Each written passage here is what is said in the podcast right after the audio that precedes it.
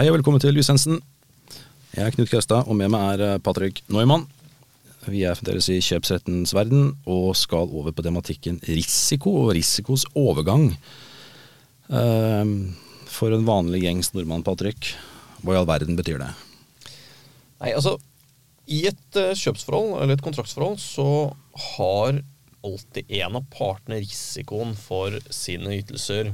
Eh, og med det mener man at eh, den parten vil bli skadelidende hvis, man, eh, hvis den risikoen materialiserer seg. Eh, La oss f.eks. si at en selger skal levere en bil, og før den eh, bilen blir levert, så blir den stjålet eller den eh, brenner opp. Eh, Da er det i utgangspunktet selgers risiko. Og da må selger levere en ny bil eh, uten å kunne kreve dobbel betaling. Så da vil vi si at det er innenfor selgers risikosfære. Så det eh, man prøver å få en oversikt over, og, og som man har regler om, og deler, som deler inn nettopp dette, det er regler om, om hvem av partene som har risikoen for ulike omstendigheter.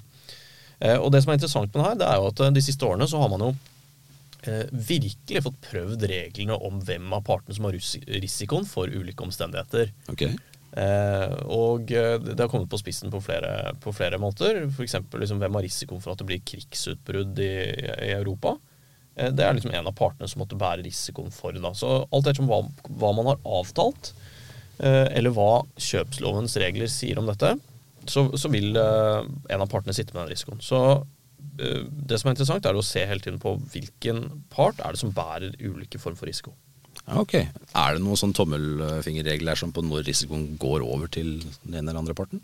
Det kommer an på hva slags ytelse man ser på. Ja. Um, hvis vi tar det helt enkle først, hvis vi begynner med liksom reglene om uh, levering av, av eh, ting, uh, som, som er utgangspunktet i kjøpsloven, så, så sier man at uh, selger har risikoen for varen frem til tingene er levert til, til kjøperen, hvis ikke annet er avtalt i, i kontrakten. Og Det kan godt være at partene pga. prinsippet om avtalefrihet og kjøpslovens um, mulighet for at partene kan avtale egne løsninger, har avtalt egne, eh, egne regler om hvordan risikoen skal plasseres for ulike tilfeller. F.eks. regler for eh, håndtering av krigsutbrudd eller pandemier. Så Under koronapandemien så, så man etter hvert at det begynte å komme regler om at nå er liksom covid en kjent risiko, Ja. og den ble da plassert hos enten selger eller kjøper. Sånn at det, da ser man at partene blir mer kjent med, med risikoen i kontrakten og prøver å plassere den så, og, og avklare den ved inngåelsen av, av avtalen. Ja, ok, ok, så det er egentlig sånn kon konkret vurdering i de enkelte tilfellene. Det er ikke noe sånn one size fits all-løsning på det her. Nei, altså, øh, kjøpsloven hvis vi tar utgangspunkt i kjøpsloven først, da, har jo konkrete regler om hvordan risikoen går over fra selger til, til kjøper. Eh, og dette må ses i sammenheng med reglene om levering av tingen. Eh, og eh, hvis man ser på de konkrete, de konkrete reglene, så, så oppstiller man ulike former for levering. Eh, eksempel så eh, opererer kjøpsloven med liksom tre standardkategorier for levering. Det er enten sendekjøp, hentekjøp eller plasskjøp. Ja. Eh, Hvis vi tar det helt enkle først, altså hentekjøp, at man skal hente varen hos selgeren, da anses levering som skjedd eh, når, man, eh, når tingen er klargjort for levering hos selger. Og, og da vil levering anses skjedd der, når varen hentes. Og før, eller frem til det tidspunktet, så har selgeren risikoen. Det vil si at alt som måtte skje med tingen, av ytre påvirkning, eh, f.eks. tyveri, brann, skade, eh, flom eller vannskader, Ja. det er da selgerens risiko. Ja. Men frem, eller etter det tidspunktet så er det kjøperen som overtar risikoen. Og hvis det da skjer noe med tingen, så, så må kjøperen eh, bære, det, bære det ansvaret hvis det skulle skje noe med tingen. F.eks. hvis den blir stjålet. Da har du ikke krav på en ny ting, selv om du har betalt kjøpesummen. Nemlig. Eh, så har du en annen variant som er eh, ganske praktisk, men som eh, folk eh, synes å misforstå til tider. Det er regelen om sendekjøp. Og Det er de tilfellene hvor selgeren skal sende varen til kjøper. Eh, og da er utgangspunktet etter kjøpsloven at risikoen går over ved levering til fraktfører eller transportør. Og det vil si at du som kjøper har da all risiko fra det tidspunktet selgeren har levert varen til f.eks. Posten, Bring eller eh, lignende type leveransetjenester. Akkurat. Eh, Så hvis varen f.eks. blir borte, eh, den blir ødelagt på veien eh, som følge av ytre påvirkninger, så er det din risiko. Du har ikke krav på å da fremsette Eller du har ikke muligheten til å fremsette ulike krav mot selger. Det er i utgangspunktet da ditt ansvar, ditt problem, din risiko, Og da må du fremme krav mot andre aktører, f.eks. da transportøren, hvis de har et ansvar. Og det beror på en vurdering av, av avtalen, og ikke minst de transportvilkårene som, som, som er avtalt. Akkurat. Ja, det var jo forholdsvis eh, stor risiko for en kjøper. For det er vel kanskje det som er den mest vanlige varianten, med det med at ting sendes til eh, kundene. Er det ikke det?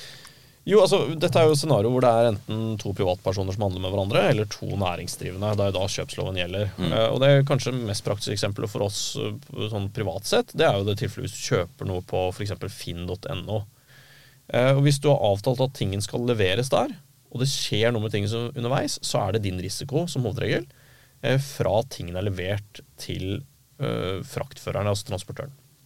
Ok, ok. Skjønner. Er det noe, Nå har vi snakka om eh, kjøpsloven og, og ansvar og risiko der. Er det noen tilsvarende bestemmelser i forbrukerkjøpsloven på det her?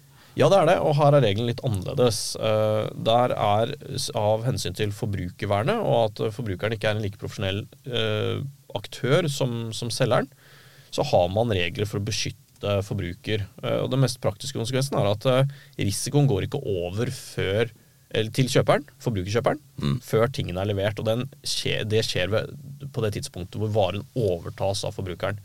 Så her er det en ganske stor forskjell på, på reglene. Ja, det er det jo. Det er en vesentlig forskjell. Akkurat. Nei, men Det er jo for så vidt positivt, eh, sånn sett. Det, for, I forbrukers øyemed, iallfall. Ja, altså Hvis du kjøper noe fra en nettbutikk eh, eller noen eh, eller, eller holdt på å si eh, noe, noe, hvor noe skal sendes, så har du et litt annet vern. Du har en annen beskyttelse hvis det skjer noe med, med tingene underveis. Skjønner. Som forbrukerkjøper. Så her er det en ganske stor forskjell på de to regelsettene. Så her er det helt klart mest vesentlig og størst, eh, størst styrke og vern i forbrukerkjøpsloven. Men uh, hvis ikke du er i posisjon med forbruker kontra profesjonell aktør, så havner du tilbake inn i kjøpsloven, og da må du bare leve etter de reglene som er der. Ja, Hvis ikke noe annet er avtalt. Ja. eh, For partene har jo full avtalefrihet også om reglene om risiko. Eh, Og det man ser, det er at eh, særlig i profesjonelle forhold i, i næring, så har partene fått et mer bevisst forhold til det å plassere risiko. Og det skyldes jo at det har vært spesielle typer situasjoner som har oppstått de siste, særlig de siste årene, f.eks. av krig eh, i Ukraina. Vi har sett at det har påvirkning f.eks. råvarepriser eller, eller uh, hatt indirekte følger for helt andre varer og tjenester. Eh, som, som man ønsker å ha et forhold til ved å plassere den risikoen. Det kan være pandemi, det kan være sult eh, og streikesituasjoner. Nå er liksom ikke sulttilfellet veldig relevant for Norge, men vi må huske på at f.eks. kornlagrene i Ukraina ble jo ble jo blokkert her, og det hadde store konsekvenser for mange land som var helt avhengig av korntransport.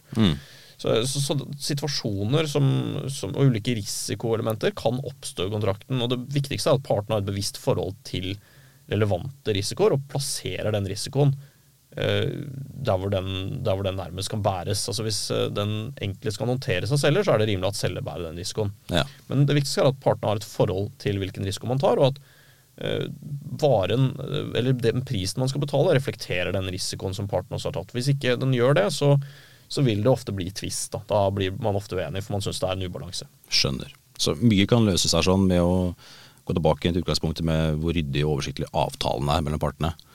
Så gjør du en god grunnjobb der, så kan du spare deg for mye først føss seinere.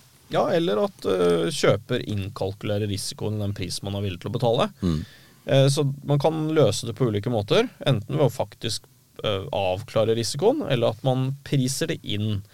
Eh, så, det er mange måter å håndtere det på. Det viktigste er at man har et bevisst forhold til det. Ja, så klart. Så klart. Um, jeg tenker at du har virkelig presentert risiko på en god måte. her. Er det noe du ønsker å tilføye, eller er du Føler du at du har eh, klart å male et kunstnerisk flott bilde? Er veldig kunstnerisk og flott. Det, er, eh, det er eh, reglene om risiko. Men eh, det er jo ikke all risiko man kan ta høyde for. Noen risikoelementer er mulig å forutse, mm. mens andre er jo ikke det. F.eks. I disse dager så, så vet man liksom ikke hvordan vulkanutbrudd på Island vil slå ut. Nei. Man vet bare at det er rystelser i grunnen, og hva slags konsekvenser det kan ha. Man kan forutse deler av det, men på, på langt nær alt. Og Da blir det spørsmål hvordan, skal, eh, hvordan den risikoen skal plasseres i ulike kontrakter som, som har en side nettopp mot, mot den typen eh, risiko.